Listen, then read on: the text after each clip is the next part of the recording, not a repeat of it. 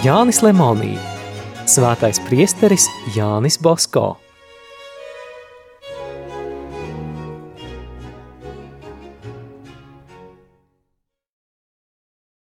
Dažreiz Dievs šajā zemē paaugstina pazemīgos. Jūlijā priesteris Bosko devās uz Lepiju pilsētiņu Francijas pierobežām.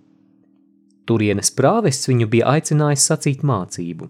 Cilvēku sanāca tik daudz, ka nevien baznīcā tie vairs neietilpa, bet arī baznīcas dārzā. 27. jūlijā Jānis Bosko devās uz lielo uzso draudzi. Tur viņu apciemoja divi semināristi un kāds jauns vīrietis, Giuseppe Roncalli. Pēdējais tajā gadā bija izstājies no semināra, jau beidzis filozofijas kursu. Viņam bija aicinājums, bet vectēva pierunāts un vecāku spiests, viņš nolēma kļūt par tirgotāju. Darba vietu viņš jau bija atradis Lionā. Priesteris Bosko it kā aizmirsis semināristus, aplūkoja šo veiklo jaunekli un teica: Kāds skaists melnais strasts, tās jāieliek krātiņā. Jauneklis šos vārdus dzirdēdams juta sevī neparastu pārmaiņu. Viņa sirdī atdzīvojās aicinājums. Viņš lūdza priesterim Bosko ziedot kādu laiku sarunāja ar viņu. Kad viņš atkal ieradās, tad pastāstīja, ka esot nolēmis pilnīgi veltīties kalpošanai dievam. Grūti bija pierunāt vectēvu, taču arī te dievs palīdzēja. Divas Jāzepa māsas slimoja ar acu slimībām. Viena bija pilnīgi neredzīga jau no dzimšanas, bet otra kādu laiku pēc smaga uzacu iekaisuma. Priesteris Bosko abas svētīja, un viņas drīz kļuva veselas. Nu vairs vectēvs nedrīkstēja pretoties. Jāzeps kopā ar priesteri Bosko ieradās Turīnā, kļuva salesiānis un mira Parīzē, vadīdams svētā Pētera un Pāvila salesiāņu iestādi. Atgriezies oratorijā, Jānis Bosko atrada ļoti smagi saslimušu priesteri Ruā. Viņa vājo organismu slimība ātri pieveica un ārsti ieteica viņam sniegt slimnieku sakramentu, jo cerību izveseļoties vairs nēsot. Priesteris Bosko slimnieku apmeklēja un devās uz pilsētu. Kad viņš vakarā atgriezās, citi salesiāņi viņu satikuši, lūdza steigties pie slimnieka, varbūt to vēl redzēšot pēdējo reizi – Jānis Basko tikai pasmējās. Nebaidieties! Priesteris Roā bez manas atļaujas nekur neaizbrauks. Vēl neesmu viņam izsniedzis pasi, lieciet viņu mierā. Tad viņš aizgāja uz baznīcu pieņemt grēksūdzes un tikai vēlāk atnāca paēst vakariņas. Paēdis viņš vēl iegāja savā istabiņā, pārskatīja saņemtās vēstules un tikai tad aizgāja pie priestera Roā. Kad viņš tam jautāja, kā tas jūtas un kad būs vesels, slimnieks tikko dzirdami čukstēja: Priesteri Paskā, ja jau man tuvojas pēdējais brīdis, sakiet, neizvairieties, jo es jau esmu sagatavojies uz visu. Nē, dārgais Donroā, es nepavisam negribu, ka tu tagad mirtu. Tev vēl būs daudz man jāpalīdz. Vēl nedaudz ar slimo parunājis, Jānis Bosko viņu svētīja. Otrā dienā pēc svētās mises viņš atkal devās apmeklēt slimnieku. Bija atnācis ārsts doktors Gribaudo. Tas sacīja, ka cerību nav. Vai nu ir, vai nav, iebilda priesteris Bosko. Manam priesterim Roā ir jākļūst veselam, jo viņam vēl jādara ļoti daudz. Uz galdiņa atradās svētītās eļļas trauciņš – To ieraudzījis Jānis Basko brīnījās, kāpēc jūs te atnesāt šo eļļu, viņš jautāja. Gatavojāmies sniegt priesterim slimnieku sakramentu. Kurš masticīgais tad to ir atnesis? Es, atteica priesteris Savio. Ja jūs, priesteri Bosko, būtu viņu redzējis vakar vakarā, viņš bija pavisam nevarīgs. Un ārsti, bet viņu pārtrauca Jānis Bosko. Redzu, ka jūs visi esat vājas ticības cilvēki. Tu, priesteri, roā neskumsti. Ja arī tu pa logu izlēktu, arī tad tu nemirtu. Tiešām, priesteris roā ātri izveseļojās un pēc dažām dienām sāka staigāt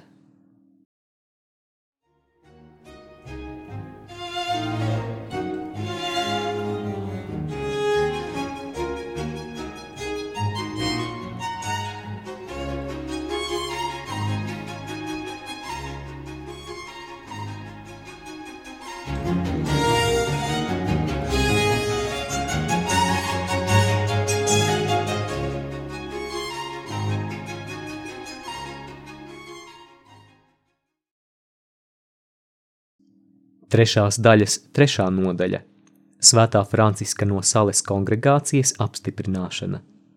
No 1869. līdz 1870. gadam. 1869. gada 8. janvārī priesteris Bosko atkal devās uz Romu. Izbraukdams viņš aicināja bērnus lūgties viņa nodomā, jo būšot jākārto ļoti svarīga lieta – Kādas tad bija šīs darīšanas, kuru dēļ Jānis Bosko tika aicināts uz Romu? Ministrs Menaprejs viņu aicināja uz Florenci. Dažas dienas vēlāk pats karalis viņu aicināja uz pagaidu galvaspilsētu. Florencē priesteris Bosko nodzīvoja līdz 14. janvārim, bet Viktoru Emanuēlu nesatika. Karalis par priestera Bosko ierašanos uzzināja tikai tad, kad Jānis Bosko jau bija aizbraucis uz Romu. Romā raksta priesteris Roā, viņš dzīvoja cik vien iespējams klusu, jo citādi nebūtu bijis laika sakārtot savas darīšanas. Varbūt arī tādēļ viņš nerādījās, ka laikā, kad viņš uzturējās Romā, tika izziņots jauno bīskapu saraksts. Vissvarīgākais šī ceļojuma mērķis tomēr bija Svētā Franciska no Sales kongregācijas apstiprināšana. Par to jau Jānis Bosko bija sācis rūpēties pirms pāris gadiem – Šķēršļi bija vēl ar vien tie paši. Radās vēl jauni. Turīnas arhidiecēzes kūrija, kurai priesteris Bosko lūdza sagatavot vajadzīgo iesniegumu, pievienojot pazīstamu bīskapu ieteikumus, nekā tomēr nesagatavoja. Daži bīskapi un citas ietekmīgas personas ieteica viņam pagaidīt. Šis laiks, tā viņa teica, nesot piemērots, lai izspriestu tādus jautājumus – Priesteris Bosko domāja citādi. Visi man pretojas, bet mana sirds saka to, ka Romā šo to panākšu. Tomēr Dievs valda pār cilvēku sirdīm, ne viņi paši. Braukšu. Tā viņš aizbrauca. Romā viņu šoreiz sagaidīja ļoti svinīgi. Stacijā Jāni Bosko gaidīja trīs pajūgi. Divi bija kardināla Beradžo pajūgi. Viņš Jāni Bosko aicināja cik vien iespējams drīz apmeklēt viņa radinieku slimo bērnu.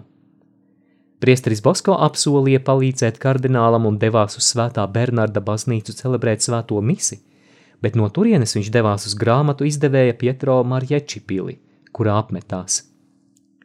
Dienas steidzās, un priesteris Bosko tā arī aizmirsa kardināla Berardžo aicinājumu – Tas viņu nesagaidījis atkal sūtīja kādu savu radinieku ar ziņu, lai priesteris Bosko cik ātri vien var svētī bērnu. Zēns bija vienīgais mantinieks, un tādēļ to sargāja kā acu augu. Tam bija 12 gadu. Viņam bija nolemti visi mirušo radu īpašumi. Tagad viņš bija saslimis ar tīfu. Divu nedēļu laikā slimība viņu bija tā nomocījusi, ka ārsti ļoti šaubījās, vai viņš kļūs vesels. Kad pilī parādījās Jānis Bosko, tūliņi visi saskrēja ap viņu un sauca: Priesteri Bosko, izdziediniet mūsu dēlu! Priesteris Bosko pagriezās pret kardinālu un sacīja: Eminence, atnācu lūgt jūsu palīdzību. Esiet tik labs un aizrunājiet svētajam tēvam par manu kongregāciju. Negribētos atgriezties mājās bez tās apstiprinājuma. Ja jūs izdziedināsiet šo zēnu, tad aizrunāšu par jūsu vajadzībām, atteica kardināls. Tad viņš priesteri Bosko aizveda uz slimnieka istabu. Pa trepēm kāpdams Jānis Bosko viņu aicināja lūgties un lūdza kardinālu viņu neaizmirst. Mazais slimnieks gulēja aizmidzis. Viņš pat nepamanīja, ka pie viņa pienāca mājinieki un viesis. Priesteris Bosko zēnu svētīja, un kā ar roku viņam tika atņemts karsonis. Tajā pašā dienā slimnieks sāka ēst un drīz vien kļuva pilnīgi vesels. Kā neprātīgs aiz prieka kardināls no rīta ieraudzīja priesteri Bosko un sacīja: Ko vien no manis lūgsiet, izpildīšu, lūdzu, dodiet pavēles. Eminence, jūs jau ziniet, ko vēlos, Jānis Bosko atteica. Ieteiciet manu kongregāciju, pieminiet to svētajam tēvam. Tūliņ kardināls aizbrauca uz Vatikānu. Visu pastāstīja Piem devītajam, kas nu pat bija šeit ieradies, un lūdza ātrāk apstiprināt Salesiāņu kongregāciju. Pīs devītais tūliņ lika aicināt priesteri Bosko.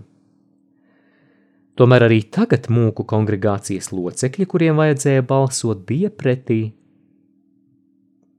Visu virzīt vēlamā virzienā varēja vienīgi pāvesta valsts sekretārs kardināls Antonelli. Priesteris Bosko tūliņ devās pie viņa un sastapa kardinālu podagras savilktu. Kardināls cieta asas sāpes. Priesteris Bosko apsolīja, ka viņš atgūs veselību, ja tikai viņš apņemtos aizrunāt par svētā Franciska no sales kongregāciju. Viņš lūdza, lai kardināls cik vien ātri iespējams aizietu pie pāvesta. Kā gan es aiziešu, lūdzams, ja pat piecelties nevaru? Iesaucās kardināls, skatīdamies Jānim Bosko acīs. Nu, rīt. Vai tiešām varēšu staigāt? Jā, rīt. Kā tas var notikt? Kardināli uzticieties Marijai kristīgo palīdzībai, citādi mēs nekā neizdarīsim. Labi, rīt aiziešu, bet ja man būs vēl sliktāk, Eminence, šīs rūpes atstājiet Marijai, viņa zinās, kas jādara. labi iešu, un ja tiešām jutīšos labāk, aizrunāšu par jūsu kongregāciju.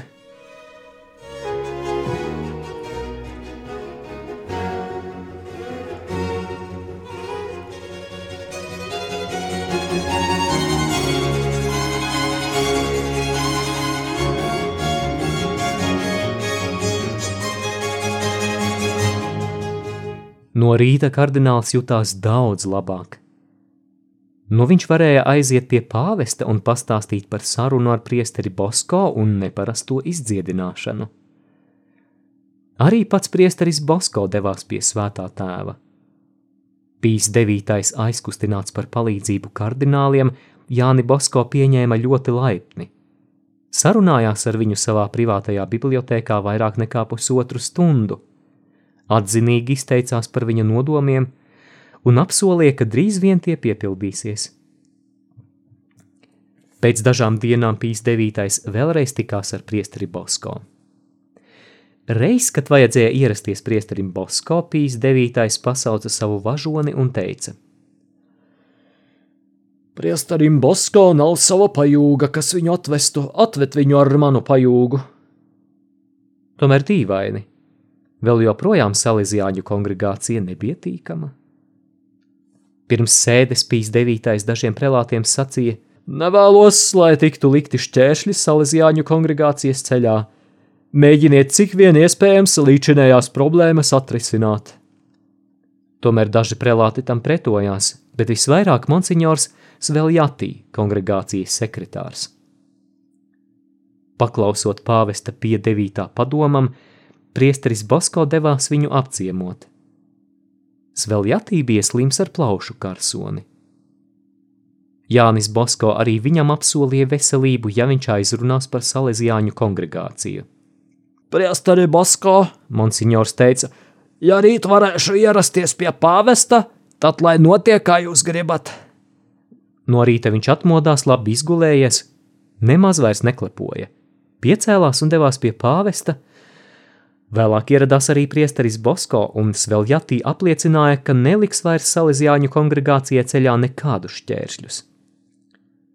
Marijas žēlastības, kas tika piešķirtas caur viņas uzticamā kalpa rokām, pamazām mainīja pretinieku sirdis un pamudināja arī skeptiķi palīdzēt. Šajā laikā nepārtraukti lūdzās oratorijas un citu salesiāņu iestāžu zēni – Aizbraukdams priesteris Bosko bija viņu lūdzis pulcēties baznīcā un lūgties visvētākā sakramenta priekšā visu 19. janvāra dienu. Šajā dienā tad arī bīskapu un mūku kongregācija apstiprināja Salesiāņu kongregāciju. Sagaidījis līksmo ziņu, Jānis Bosko aizgāja arī pie pāvesta.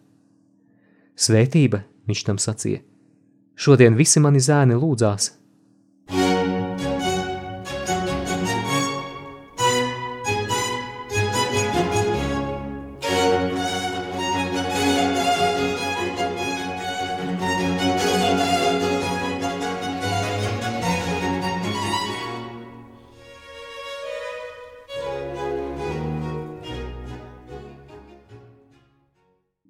martā minētā kongregācija paziņoja, ka apstiprina dekrētu, ar kuru jaunās kongregācijas priekšnieki drīkstēja bez bīskapa atļaujas piešķirt svētības semināristiem.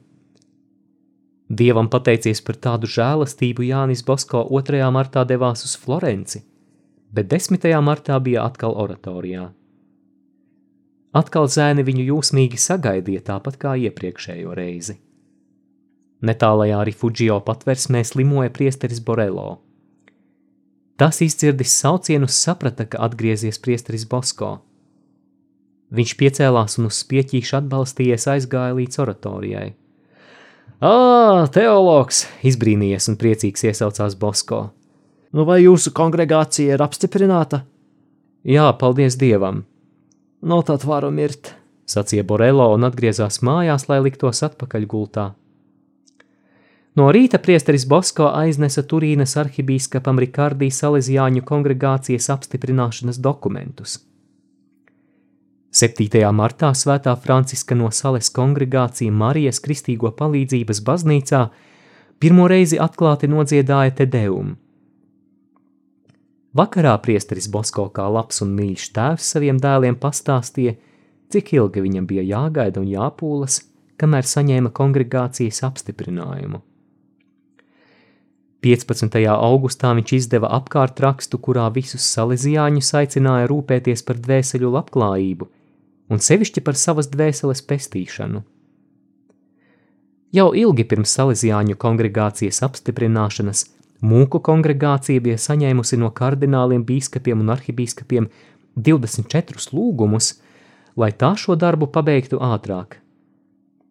Visas šīs baznīcas ganu vēstules stāsta par dibinātāja sevišķo likumību un viņa lielo svētumu. Apstiprināšanas augļi drīz vien bija redzami. No oratorijas spiestuves iznāca un visā Itālijā izplatījās pirmie Itālijas jaunatnes bibliotēkas izdevumi.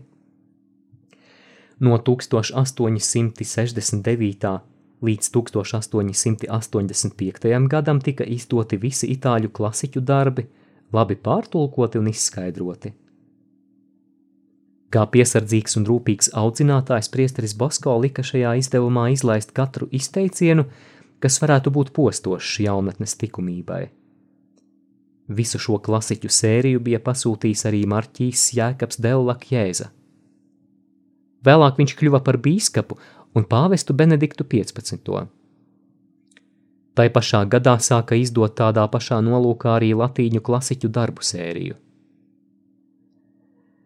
Priestere Bosko mudināti salezijāņu profesori priesteri Francesco Cerruti, Čelestīns Durando un Marks Pekenīno sagatavoja un drīz izdeva skolu jaunatnē piemērotas itāļu, latīņu un grieķu valodas vārnīcas.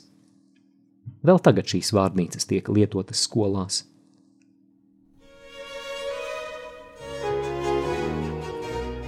Izskanēja lasījums no Jāņa Lemonī grāmatas Svētais priesteris Jānis Bosko.